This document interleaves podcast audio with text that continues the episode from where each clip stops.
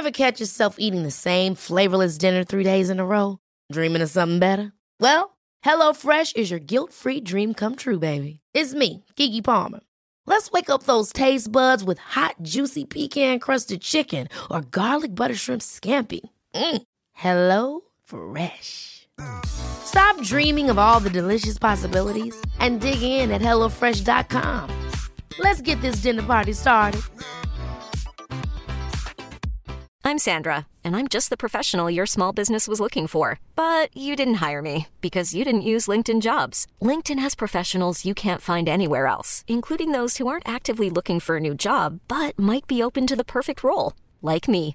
In a given month, over 70% of LinkedIn users don't visit other leading job sites. So if you're not looking on LinkedIn, you'll miss out on great candidates like Sandra. Start hiring professionals like a professional. Post your free job on linkedin.com/achieve slash achieve today. When you're ready to pop the question, the last thing you want to do is second guess the ring. At Bluenile.com, you can design a one-of-a-kind ring with the ease and convenience of shopping online. Choose your diamond and setting. When you find the one, you'll get it delivered right to your door. Go to Bluenile.com and use promo code LISTEN to get $50 off your purchase of $500 or more. That's code LISTEN at Bluenile.com for $50 off your purchase. Bluenile.com code LISTEN.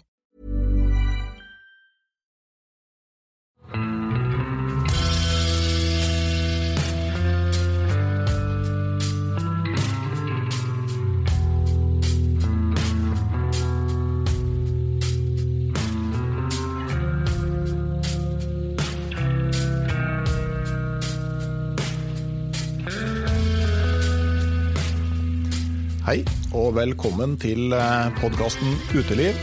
Mitt navn er Randulf Valle, og i dag har vi kommet til sjette episode. Og før vi starter på dagens eh, tema, så tenkte jeg skulle begynne med en liten takk til dere som eh, hører på, og som hjelper meg med å eh, nå ut til nye lyttere. Det er veldig stor hjelp for meg at dere sprer ordet om denne podkasten i sosiale medier. Og ikke minst at dere legger inn rating eller omtale på iTunes. Og selvsagt òg er det fint at dere forteller turkompiser om podkasten Uteliv, og at det kan være verdt å høre på for friluftsfolk. Jeg har en langsiktig tanke bak det her med podkasten, men uansett så er det artig å se at allerede etter fem episoder så ser det ut som podkasten har fått en fast lytterskare. Og det gjør ingenting om den blir større over tid. Dagens episode den handler om foto. Da primært turfoto og naturfoto. Det er veldig mye turfolk som bruker kamera ute i naturen. Og sosiale medier gjør det enklere å dele bildene, sånn at vi får se veldig mye turbilder. Men hvordan tar man bilder som virkelig skiller seg ut, og som gjør et varig inntrykk på den som ser det? Med meg for å snakke om det, og antagelig mer til, har jeg fått med Lars Andreas Dybvik. Han har lang erfaring som fotograf, og er en av dem som tar naturbilder som både skiller seg ut og har en gjenkjennelig stil. Så Lars Andreas, hvem er egentlig du som fotograf og som person? Ja, um, en middelaldrende trønder som uh, egentlig store deler av livet har vært glad i å ta bilder. Og store deler av livet har vært glad i friluftsliv. Og så blir det jo sånn at man tar bilder av det man liker. Så da tar jeg bilder på tur. og ja, da blir man vel naturfotograf, da. Ja, men det blir kanskje det. Vi skal komme tilbake til hva egentlig et naturbilde er, og hva som gjør at man kan regne seg som naturfotograf. Men, men du er jo ikke altså De fleste som driver med naturfoto er jo sjøllærte. Men du har vel fotoutdannelse, ikke sant? Ja, når jeg var ung og lovende så var det fotograf jeg skulle bli som yrke. Som jeg skulle leve av, så stemmer det. Jeg har utdanna meg som fotograf, sjøl om jeg fullførte aldri med svennebrevet. men jeg gikk i lære da, som fotograf. det gjorde jeg. Mm. Men uh, du har valgt å ha altså Du har ikke foto som, uh, som, jobb. Du har det som en slags sjølfinansierende hobby? Mm. Ja, jeg kaller det for det. Sjølfinansierende hobby. Og så når folk uh, lurer, så presenterer jeg meg som nerd, for det begrepet sier veldig mange at jeg er litt over, over gjennomsnittet opptatt av foto. Mm. Men jeg tok det valget når jeg gikk i læra, at jeg nok ikke skulle leve av det her likevel. Så jeg har en helt annen yrkeskarriere, og så driver jeg da med fotografering på fritida. Hva var det som gjorde at du tok det valget? Det var ganske enkelt det at Eller enkelt var ikke Jeg brukte litt tid på den tankeprosessen, men hvis jeg skal leve av det, så må man nødvendigvis tenke penger og økonomi, og jeg må da selvfølgelig vri fotograferinga i den retninga hvor pengene ligger. Uh, og det hadde ikke jeg noe lyst til, for da mista jeg egentlig litt av gleden ved å fotografere.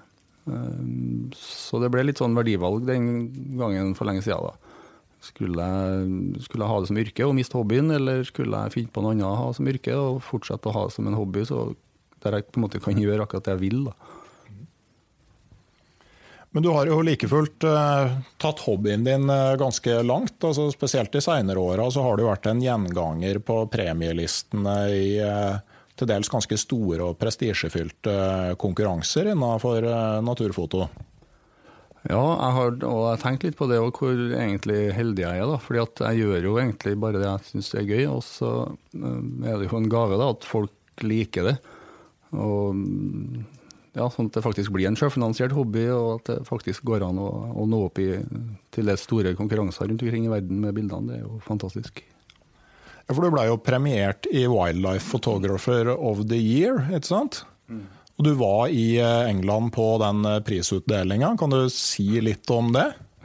Ja, det var jo fantastisk. Det er jo den kanskje største eller mest prestisjetunge konkurransen innenfor naturfoto på verdensbasis, eh, som er arrangert i London av eh, Naturhistorisk museum. Og da har de en sånn gallatilstelning eh, i forbindelse med premieutdelinga som man blir invitert til hvis man blir med på den lista. Da. Og det var jo stas, for å si mildt. De kan det med pomp og prakt i England. Det kan jeg skrive under på. Ja, det, For det her er jo litt sånn som å vinne Oscar hvis du har produsert en film? Da. Ja, det kalles gjerne naturfotografiens Oscar, da, den den konkurransen her. Den gjør det. Hva slags bilde var det du hadde som ble premiert? Det var faktisk et uskarpt bilde, ut av fokus. Mm. Det er um, et bilde fra Hornøya oppe i Finnmark av hva jeg tenker meg om.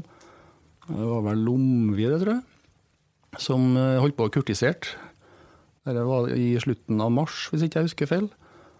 Um, og ja, de to fuglene, det paret, dem jeg, så, jeg lå på magen og holdt på å fotografere Terje med tele, og så så jeg da et lite øyeblikk så når de bøyde seg mot hverandre og satt nebbet mer eller mindre sammen, så danna de et hjerte i tomrommet mellom de to fuglekroppene. Og, så da, da hengte jeg meg liksom på den ideen, og så lå jeg og venta og fulgte med. Og så gjorde de det heldigvis en gang til, så at jeg greide å ta bilde av det. Så det er de to fuglene som lager et hjerte, og så er det sånn gullglitter i, i vannet bakom som lager en fin farge på det. Men det er jo ikke tilfeldig at du ser at det var et hjerte akkurat der, for det, det er jo noe du tydelig ser etter overalt.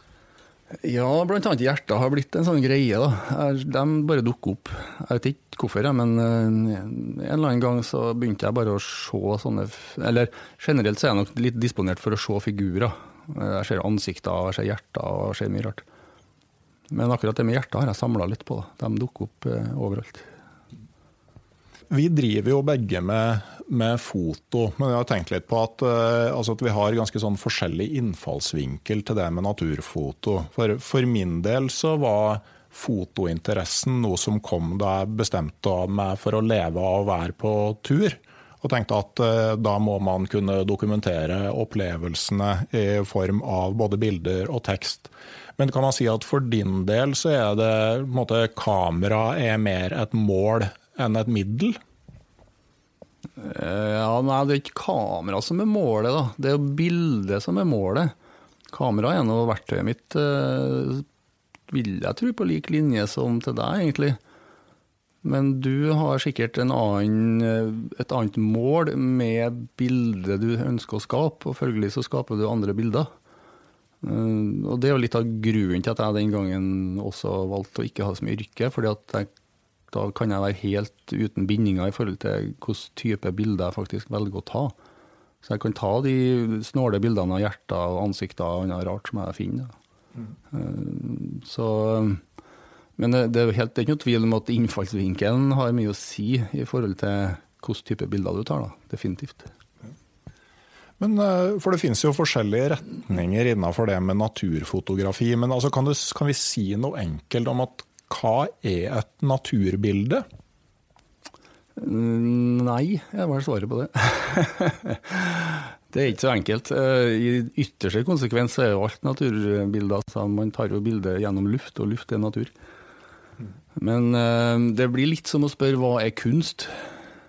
Altså, Hvor skal du tegne den grensa? på en måte? Det blir jo egentlig opp til den som betrakter det, som må bestemme hvilken sjanger, hvis man i hele tatt skal putte et bilde i en sjanger.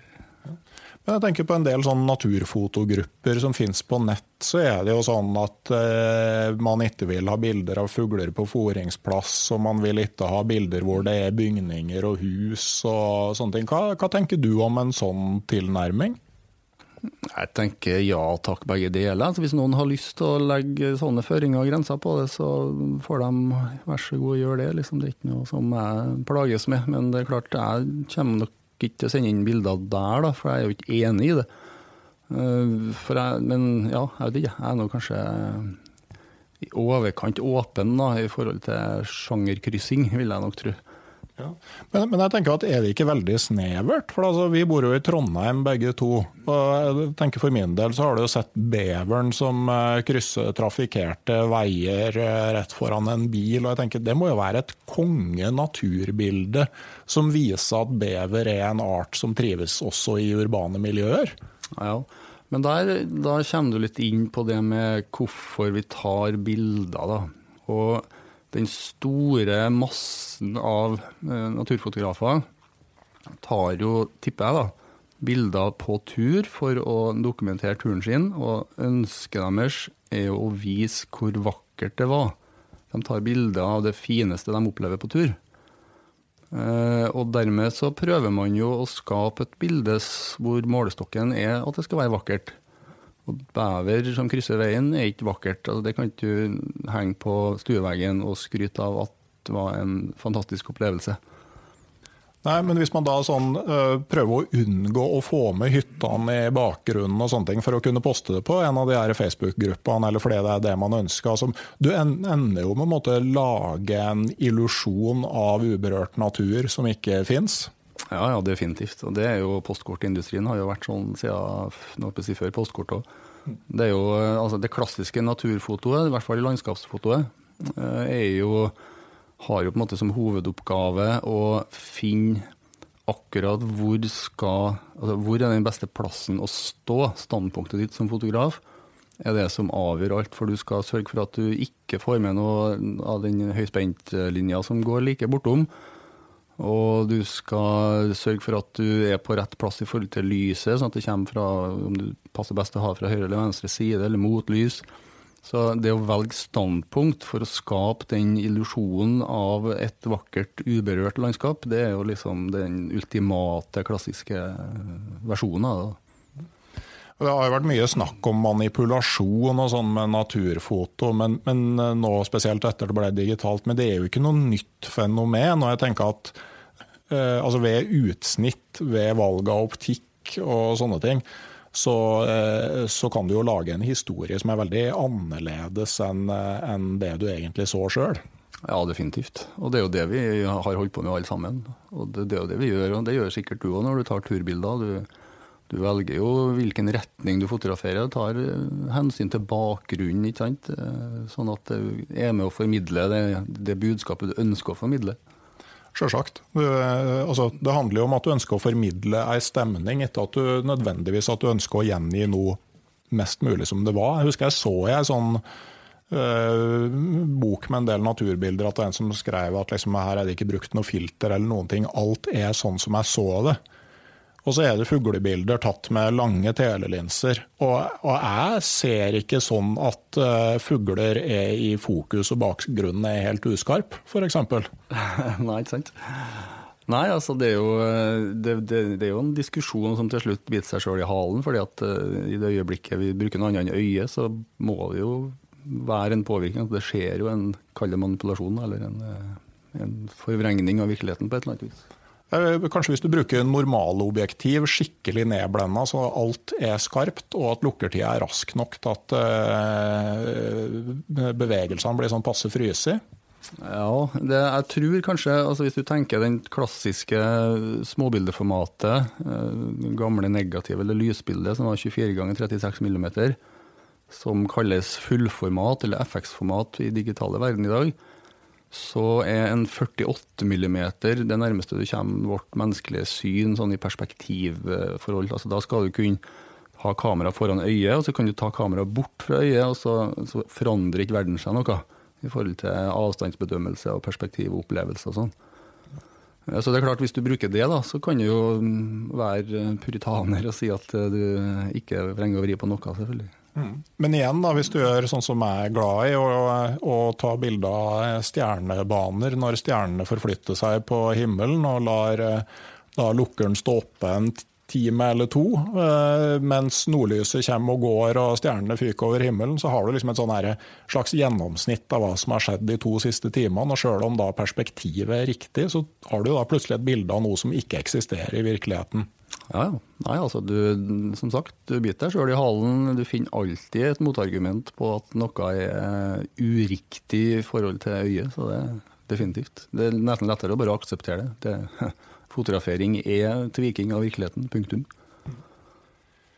Men sånn Tradisjonelt så kan jeg si at veldig mye av naturfotografiet det har dreid seg om dokumentasjon. kan jeg si. Og, og Spesielt når det gjelder dyr og fugler, så det, har det vært et sånn race for å komme nærmest mulig, gjengi skarpest mulig liksom mest detaljer i fjærdrakten og bevegelser, stoppe bevegelser og vise atferd.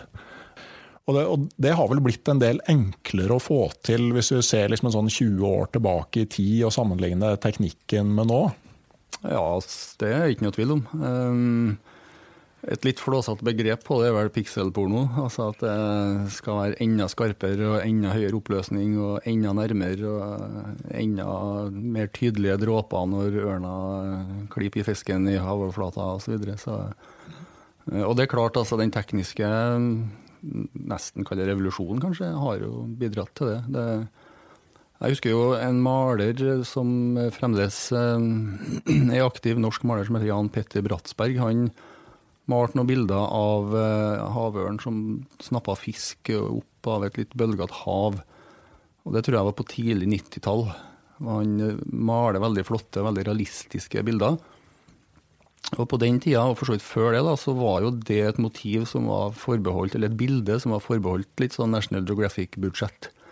På fotoutstyr og um, båt og hele pakka rundt det. Mens i dag så så har jo det blitt en turistnæring som du kan kjøpe deg inn på, den type motiv. Og, og du kan også, for et um, relativt normalt, vil jeg tro, hobbybudsjett, så kan du kjøpe fotoutstyr som, uh, som gjør deg i stand til å ta de bildene, hvis du bare sørger for å bli Si, disponert for akkurat den hendelsen, nemlig ei ørn som snapper en fisk. Og det kan du bli hvis du reiser til noen som driver med det som turistnæring. Jeg tenker på eh, en annen trøndersk naturfotograf, eh, Dag Røttereng. Hadde, jeg fulgte en del med på det han drev med sånn på slutten av 90-tallet. Og han hadde, om det var i ei bok eller om det var på nettsida si, at han hadde en sånn lang artikkel om hvor mye han hadde jobba for å få, prøve å få et skarpt bilde av en lom i oppflukt. Altså Han har brukt mange år på det her og prøvd de utroligste løsninger. Bl.a. at han prøvde å montere telelinsa fra det vanlige kameraet på et sånn gammeldags storformatkamera. Altså sånn som du ser hvor folk vippe vipper over seg et svart laken og står og ser på ei glasskive bak for å se om ting er, er skarpt. Og I dag så kan du liksom eh, gå i butikken, kjøpe et kamera, finne en lom og ta bilde. Ja, altså før så Man kan jo tenke seg at uh, hvis du går uh, langt nok tilbake i tid, så var det jo ikke autofokus. Du måtte jo stille skart sjøl. Å prøve å stille skart på en fugl i flukt, det er ikke bare bare. Hvis du gjør det manuelt i dag, så er det jo det noe som du ikke tenker over, fordi at teknikken ordner opp med det. Men det er klart, det var ikke mulig eh, før i tida. Da ble det jo masse uskarpe bilder, selvfølgelig. Og I tillegg så var det jo film, det var analogt. så Det vil jo si at eh, taksameteret og pengeboka tikka av gårde for hver gang du trykka på knappen. Jeg mener jeg har lest Jeg husker ikke hvilken fotograf det var, om det var Paul Nicklin eller Galen Rowell som hadde vært på sin første assignment for National Geographic. og Redaktørene var livredde da han kom tilbake og bare hadde tatt 300 ruller med film. Det var uhørt lite. ja, det kan du se. Jeg husker jeg var i Alaska eh, når var det da? helt eh, rundt eh, årtusenskiftet. Og da hadde jeg analogt, og da mener jeg husk på at jeg tok rundt noen, ja, kanskje 24 ruller med film på tre uker. Og det er jo 36 bilder per rull, og så ganger opp det, så er det ikke mer enn det du tar på en halv dag i dag. Da. Nei, men uh, hva er det de sier, liksom? At uh, at antallet virkelig gode bilder, er det endra seg? Ja, det kommer an på hva man syns er gode bilder, selvfølgelig. Da. Eh, antallet sånne mm, flotte, skarpe eh, bilder med, som beskriver atferd på dyr og fugler, det har jo blitt eh, mye mer tallrikt, selvfølgelig. Nettopp pga. teknologien. Og det er jo fotografer som, som, som spesialiserer seg på det. og og nå er det ikke sånn at det er bare å kjøpe utstyret, og så får du sånne bilder. da. Du må skjønne dyreatferd eller fugleatferd, så du må jo ha, må ha, peiling på det du skal ta bilde av, for det om du kan kjøpe deg ut av den fokusknipa f.eks. Jo, men samtidig så er det jo blitt en stor industri hvor du kan kjøpe deg inn i fotoskjul. Altså hvor folk, eh, Enten det blir med folk ut som, eh, som har havørn som kommer når eh, båten deres kommer, eller du kan leie deg inn i fotoskjul hvor hønsehauken kommer stort sett hver dag. Og Det er jo en ganske stor forskjell fra litt tilbake i tid. Ja, før så måtte du jo gjøre hele den jobben sjøl. Bygge skjulet, start fòring, holdt på to år med det. Sånn at det du ville ta bilde av, blir tilvendt og kommer dit. Og at du har en frekvens på besøkene. Så kunne du begynne å ta bilder. da. Men sånn som det med at du, som jeg sa i stad, du må ha peiling. Du kan sammenligne en sportsfoto. Da. Det hjelper ikke å kjøpe et innmari bra kamera og så troppe opp på en uh, fotballkamp og forvente å få gode bilder av fotballkampen hvis du ikke skjønner fotball og kan lese spillet og kan være litt i forkant oppi hodet, sånn at du vet hvor du skal sikte hen. Det er et veldig godt poeng. Men jeg tenker at uh, altså, Eh, de fleste som driver naturfoto, er jo åpenbart på den eh, kursen her. Men så er det jo noen, bl.a. deg, som har valgt en eh, litt annen vei inn til det her. Kan du si litt om liksom, den, la oss kalle det grenen av naturfoto? Ja, jeg tok jo et valg egentlig litt i samme vase som verden ble digital. Da hadde jeg et lite opphold på noen år der jeg ikke tok noen bilder. Og så begynte jeg igjen, og så syntes jeg det var litt kjedelig. sånn at jeg, jeg utfordra meg sjøl på å, å, finne nye tankesett og nye måter, sånn at jeg skulle få gleden av fotograferinga igjen. Um, og det var jo et lykketreff, for at eh, etter det så har jeg jo fått uh, mer respons enn noen gang før, og jeg har mer glede av det enn noen gang før. Og tar jo Jeg tar ikke bilder av sånn som det ser ut. Altså vi har, um, Jeg sjøl også tidligere, og veldig mange gjør jo det at man tar bilder av uh, sånn ser det her fjellet ut, eller sånn ser båten min ut. Sånn ser det ut når jeg sitter i kanoen og kikker framover. Eh, vi beskriver alltid et eller annet. Mens eh, jeg har prøvd å vri hodet mitt litt og framgangsmåten min til å tenke at jeg skal skildre noe istedenfor å beskrive det. Og det setter helt nye føringer og gir helt nye mulighetsrom, selvfølgelig. Men uh, nå er vi jo på, på, radio, for å kalle det det. Og det, det, er jo ikke det beste mediet for å formidle foto. Men kan du prøve altså Hvis du skulle beskrive for noen altså hvordan ser et uh, typisk Lars Andreas Dybvik-bilde ut? Hvordan skal man kjenne igjen et av dine bilder? Det er et vanskelig spørsmål. Eh, For sjøl så ser ikke jeg så tydelig at jeg har en sånn veldig klar og personlig stil. Det er når jeg blir fortalt av andre, mer enn at jeg greier å skjønne det sjøl. Men jeg har jo tenkt en del på det siden jeg har fått høre det. Og eh, jeg tror Jeg liker å utfordre på komposisjon. Altså, jeg, jeg liker å bryte de der klassiske reglene som gjerne bygger et bilde som er veldig godt balansert, veldig harmonisk. eh, Som, altså den postkortkomposisjonen. Jeg syns det er veldig spennende å jobbe med å bryte det, og plassere ting eh, litt ut av senter, ut mot kantene. Eh, Etter hvert så har jeg også blitt veldig glad i å jobbe med det som ikke er i bildet. Utrolig nok, altså. Det som foregår på utsida av bildekanten, det kan ha en voldsom kraft, har jeg funnet ut. Uh, Ja, vet ikke, hvis du tenker en, eh, en fjelltopp, da. Du skal ta bilde av et fjell. Så eh, er det jo ingen som kommer til å kappe toppen av det fjellet i bildet. Du kommer til å ha med toppen på fjellet, så du ser hele omrisset av fjellet. Men hvis du kapper den toppen 3-4% ned på av fjellet, så blir det fjellet ekstremt mye mer eksplosivt i bilderamma.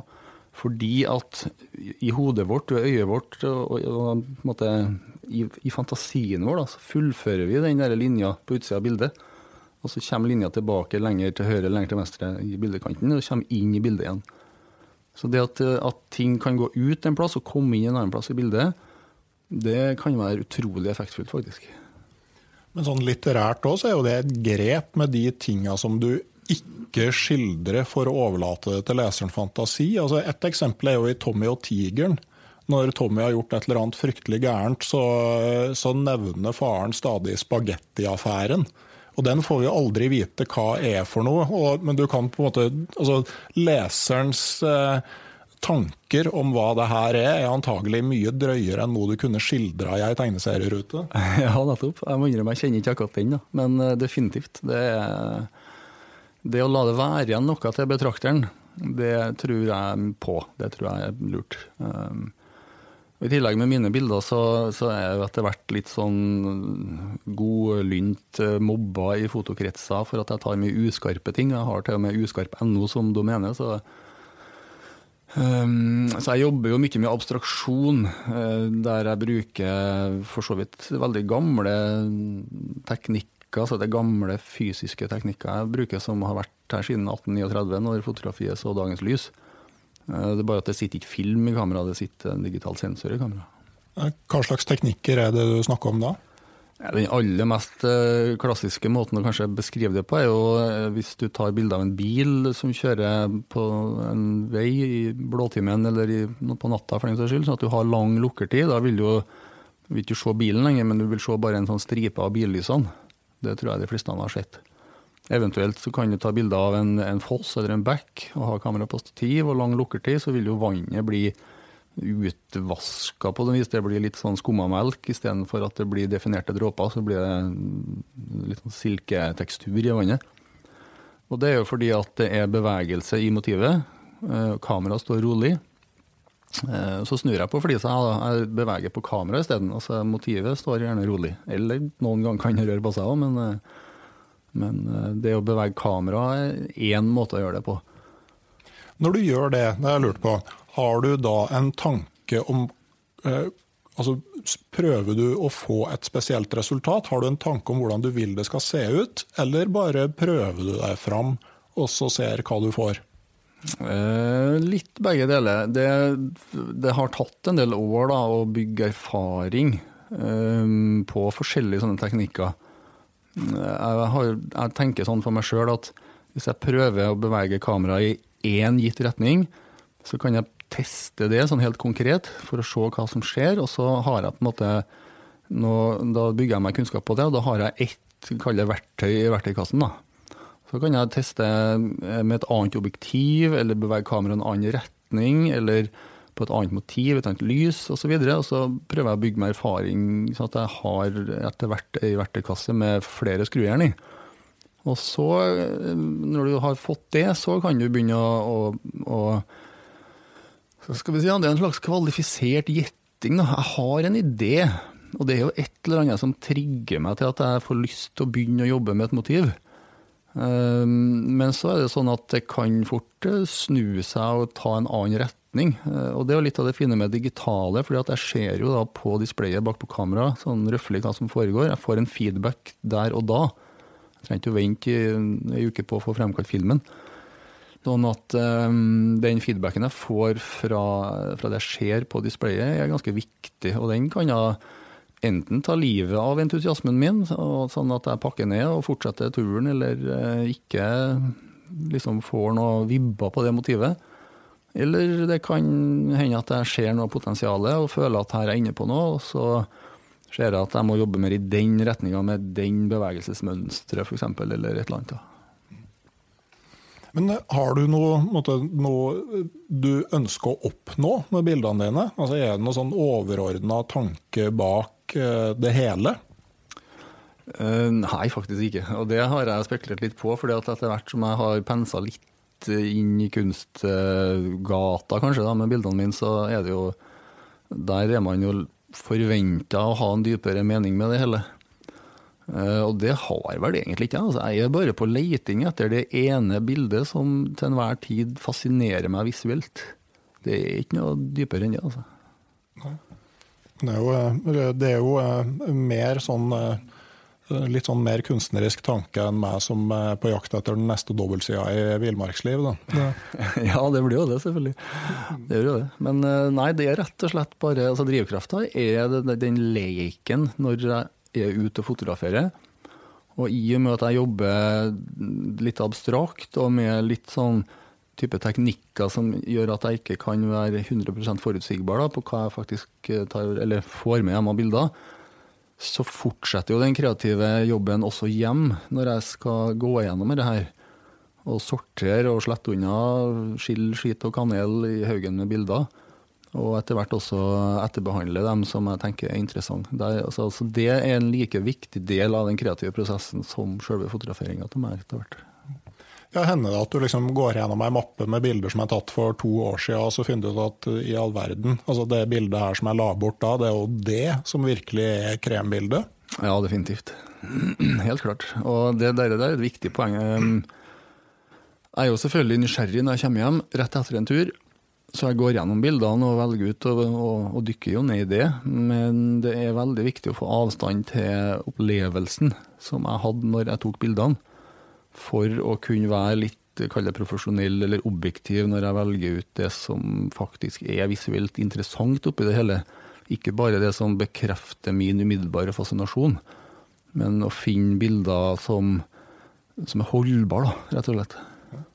Men det er jo for, for meg som driver mer med postkortfotografering, så er jo det òg altså du, øh, du har en helt annen opplevelse av bildene du sjøl tar, enn dem som andre tar. For du vet Altså, du har et minne om hvordan situasjonen var, og i mange tilfeller så er jo øh, det bildet umulig å gjenskape på, øh, på bildebrikka på kamera, og at man kan være på en måte skuffa fordi man ikke klarte å formidle det som var der, mens en, en annen betrakter ser jo bare det du kom hjem med, og tar det for det det er.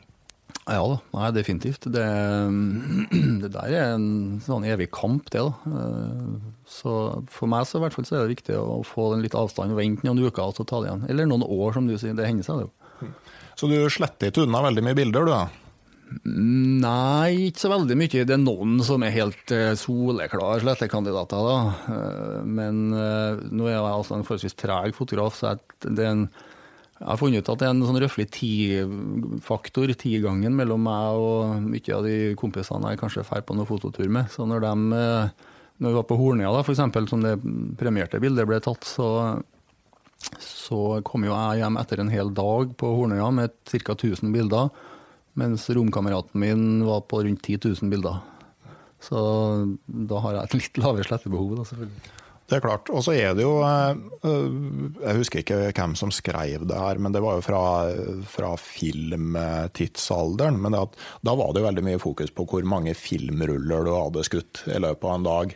Og det er jo et litt sånn skummelt fokus, samtidig som altså, hvor mange bilder eller hvor mange gigabyte med råfiler du har fått i løpet av en dag. For det er jo ikke det som er det viktige. Så jeg prøver å tenke hvor mange virkelig gode bilder har jeg fått i dag? Og hvis du har fått et, ett eller to bilder som er virkelig gode, så tenker jeg at det er et, eh, for min del et bedre mål enn liksom at du skal trykke på utløseren for å få flere filer. Ja, der, eh, jeg har jo alltid jobba etter det prinsippet, og at eh, jeg vil heller komme hjem med ett eller to bilder som virkelig er bra, enn 20-30-50-100 som er middels eller ganske bra. Um, så det, det å sette sitt preg på måten jeg jobber på, at jeg vurderer mye underveis. da.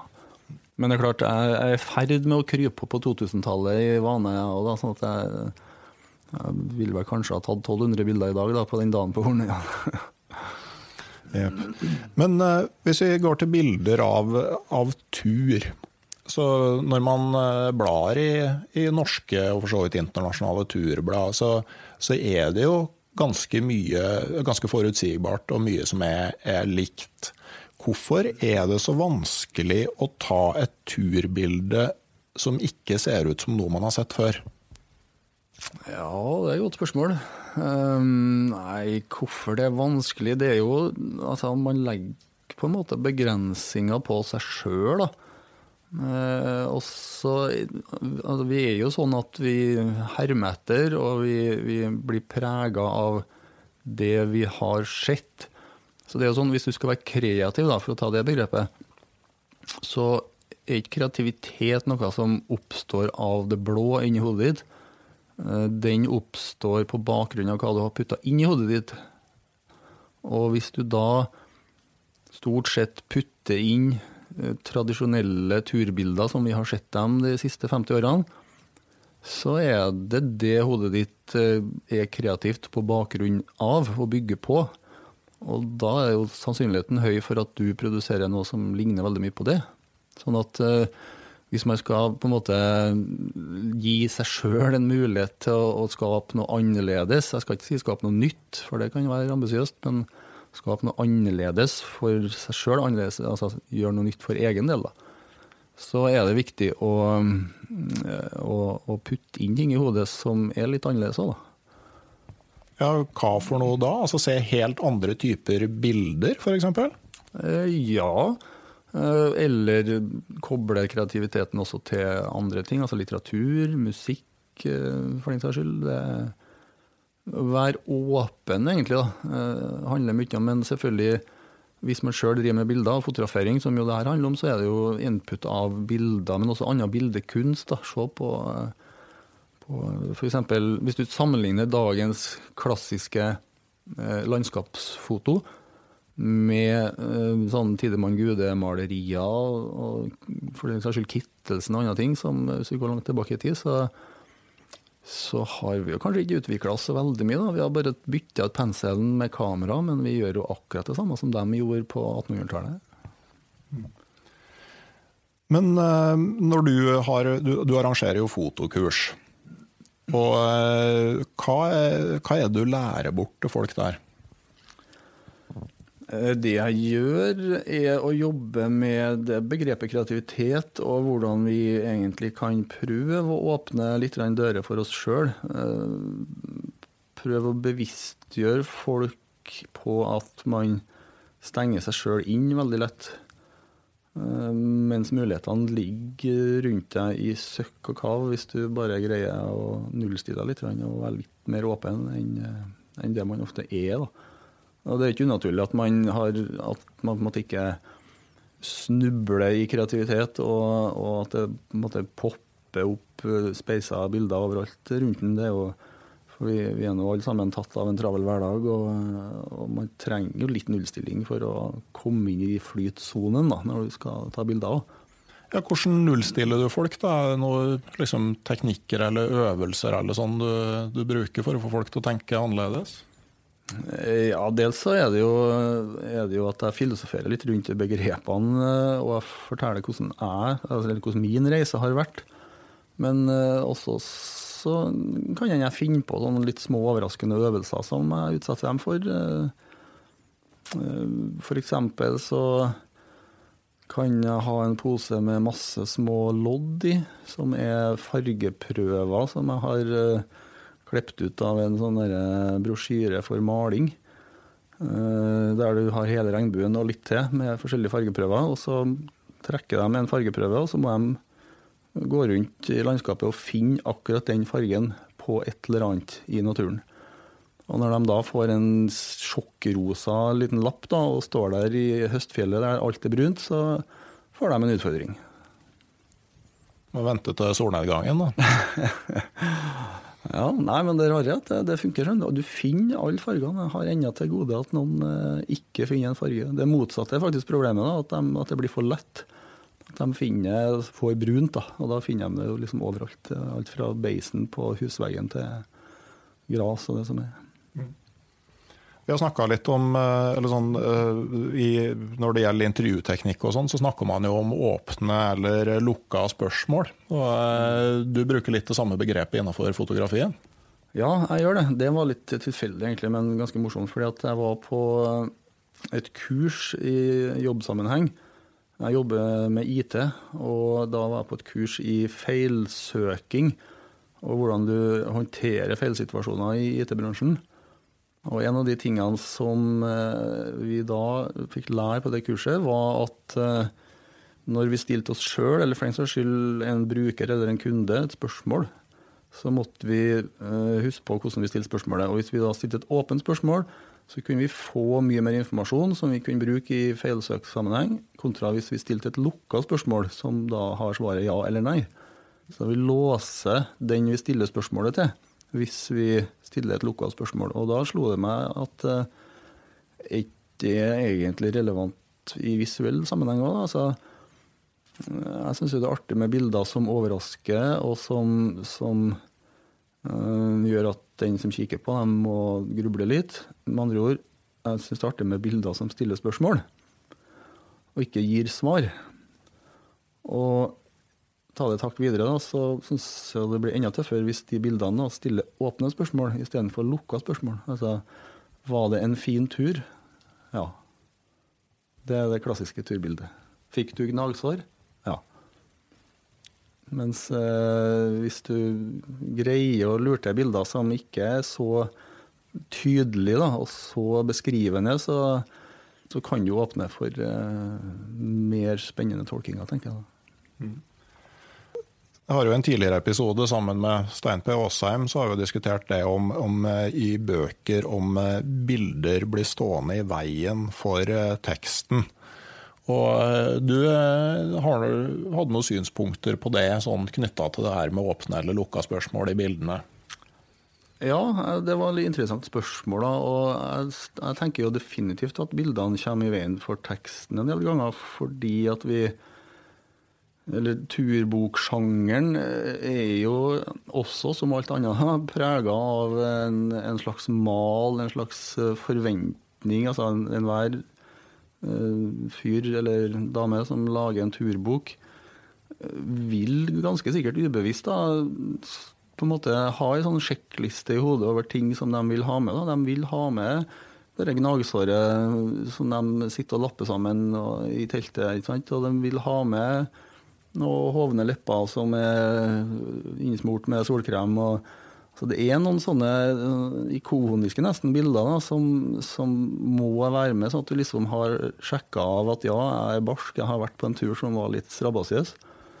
Eh, og det er klart at Da tar jo de bildene kanskje luven av teksten, fordi at de bildene er jo veldig beskrivende.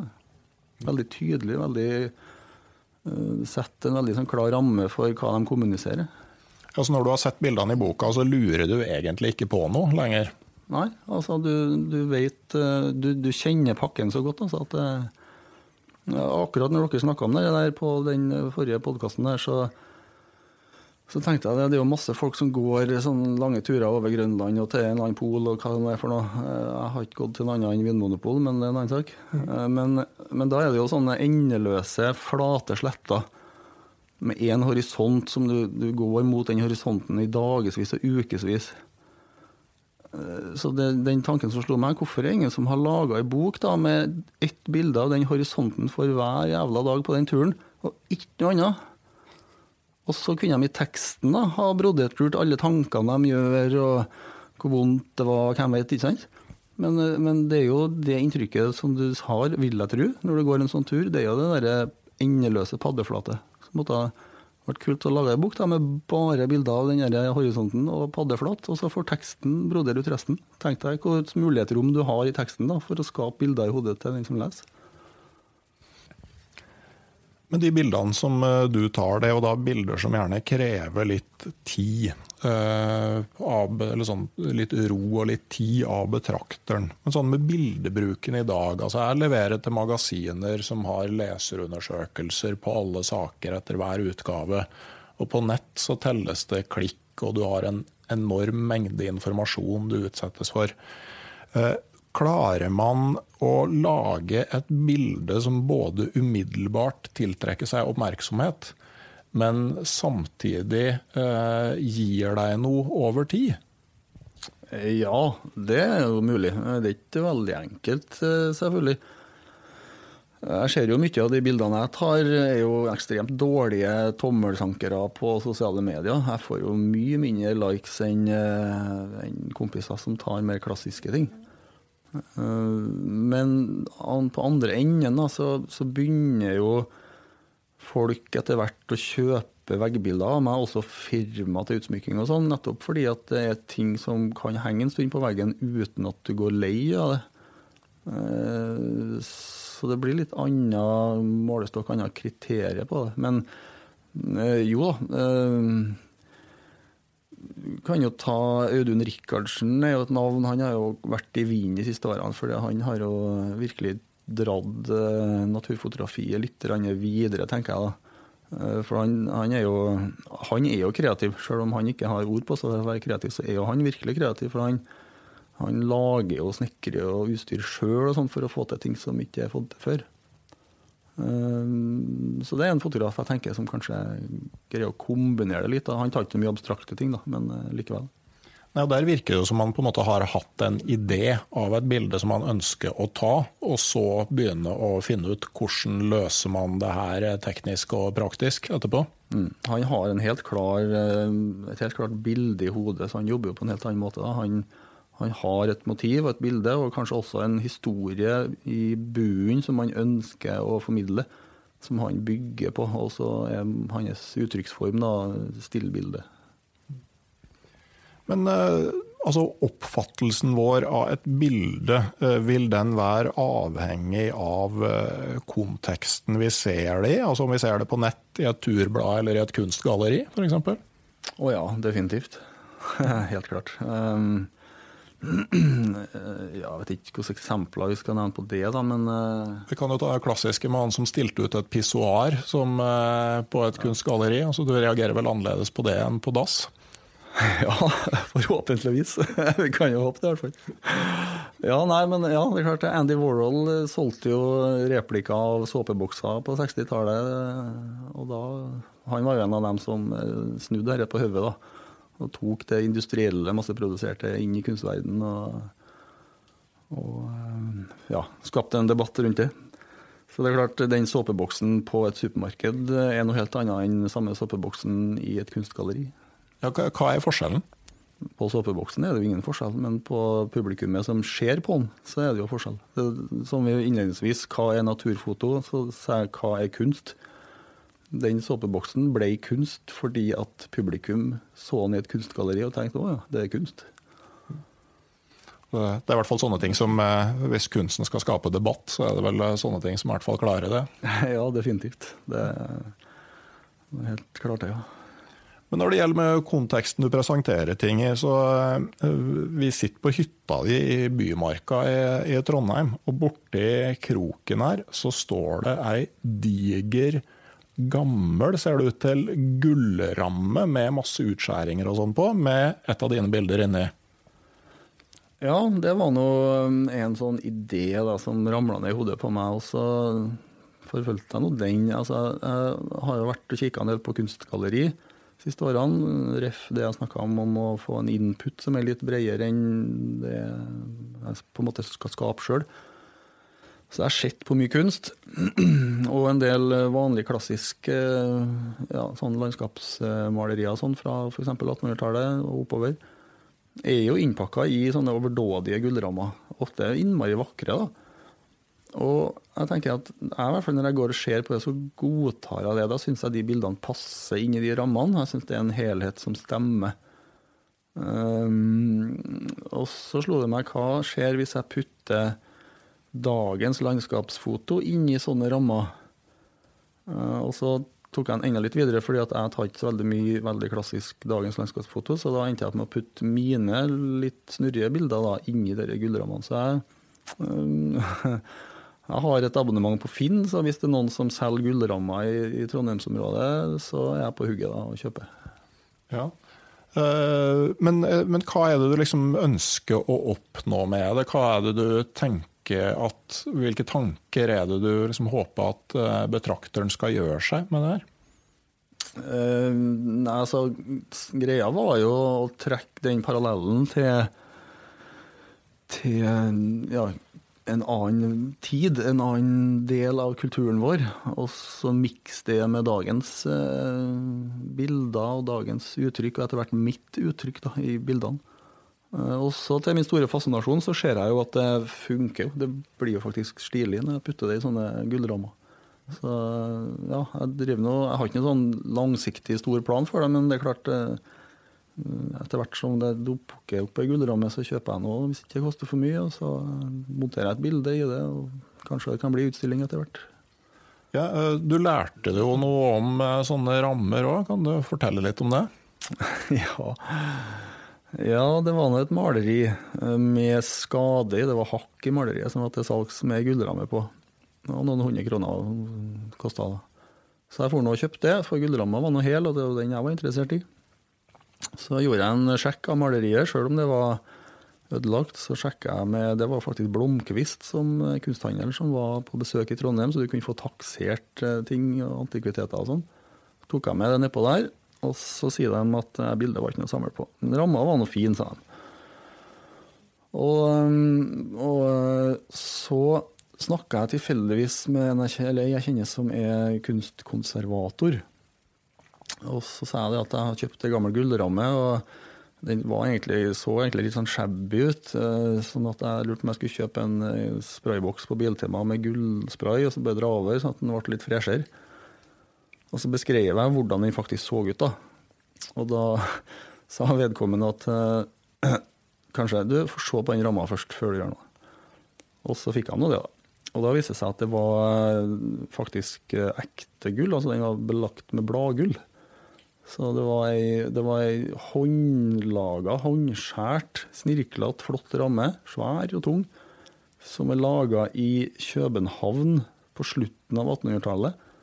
Og som sannsynligvis er verdt i hvert fall 10 000 kroner i dag.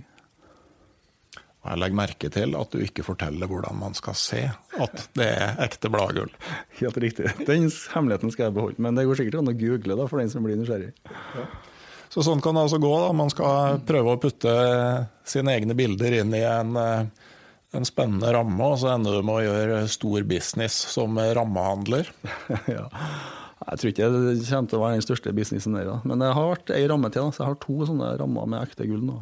Og jeg må innrømme at den ramme nummer to, når jeg sjøl skjønte at jeg fikk ramma dritbillig, for å si det på trøndersk, så hadde jeg bitte litt dårlig samvittighet for at ikke jeg gjorde særlig oppmerksom på det. Da. Men eh, ja, jeg var kynisk nok til å late som ingenting. Ja, det må være lov en gang iblant. Eh, når får vi se en utstilling av bildene dine i gullrammer? Nei, Det gjenstår å se. Det går tregt. For eh, det er ikke så veldig ofte Eller det meste som kommer av gullrammer er uinteressant, for de er skada og kjipe og dårlige og sånn, og da har ikke jeg noe lyst på dem. Så eh, vi får se. Første omgang så kommer det sikkert på hjemmesida mi, tipper jeg, som et prosjekt der. Mm. For, eh, for, den som vil eh, se litt mer av hva vi egentlig har prøvd å snakke om eh, her i kveld, så, så kan man jo gå inn på uskarp.no og se på bildene dine. Og hvis man syns det er veldig spennende, så kan man jo bli med deg på workshop. Er det på høsten du bruker å ha workshop? Ja, jeg har én workshop i året som jeg arrangerer sjøl. Den er i slutten av september i Trollheimen, i, i Innerdalen i Trollheimen. Og så hender seg det andre workshoper òg, men eh, det, da er det andre type firma eller klubber eller et eller annet som leier meg inn, eh, gjerne. da. Men vil du være med og lære mer, så kan du jo ta turen inn på, på uskarp.no og uh, titte litt mer der. Og vil du se sånne bilder som man har på trykk i Villmarksliv, så får du heller stikke innom randulfvalle.no. Eh, da begynner vi å komme til slutten av eh, det temaet her. Vi kunne sikkert snakka noen dager til om, eh, om temaet fotografi, men hvem vet, kanskje kommer jeg tilbake seinere med alle de tingene som jeg kom på at vi glemte i dag. Den muligheten har man jo heldigvis alltid. Jeg skal nevne at podkasten Uteliv samarbeider med Camp Villmark, som er Norges største villmarksmesse. Går av stabelen på Norges varemesse på Lillestrøm fra 26. til 28. april. Der skal jeg òg ha eh, foredrag alle tre dager, og kommer òg til å stå og selge egne bøker den helga. Så det er mulig å komme innom og ta en prat, eller kjøpe ei bok. Det må dere så klart gjerne også gjøre via hjemmesida mi. Da skal vi si eh, takk for oss her fra Bymarka, og så eh, høres vi igjen før vi veit ordet av det. Ha det bra.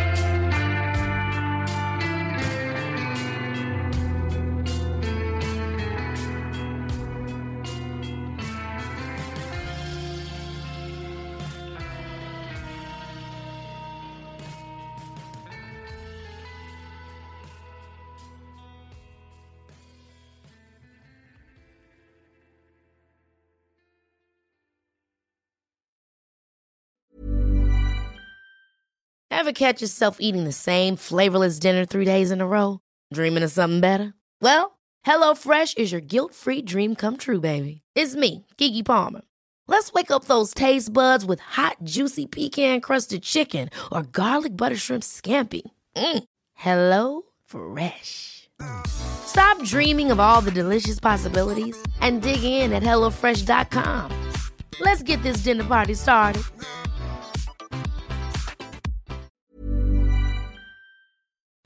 Hei, jeg heter Nore Helligsen og er daglig leder i Barents Outdoor. Det beste vi kan gjøre for planeten, er å redusere forbruket vårt og få mer ut av det utstyret vi allerede har. Men vi vet av erfaring at bruken av telt kan endre seg over tid. Det teltet du kjøpte for to år siden, passer kanskje ikke det behovet du har i dag. Derfor har vi i Barents etablert en egen panteordning der vi tar imot brukte telt av god kvalitet, i innbytte når du kjøper et nytt av oss. Prosessen er enkel. På barentsoutdoor.no gir du oss informasjon om teltet du vil bytte inn. Basert på det får du et tilbud fra oss som gir deg rabatt på ditt neste Barentsprodukt. Mer info og betingelser finner du på barentsoutdoor.no. Og husk at den første reparasjonen på produkter fra Barents er alltid gratis.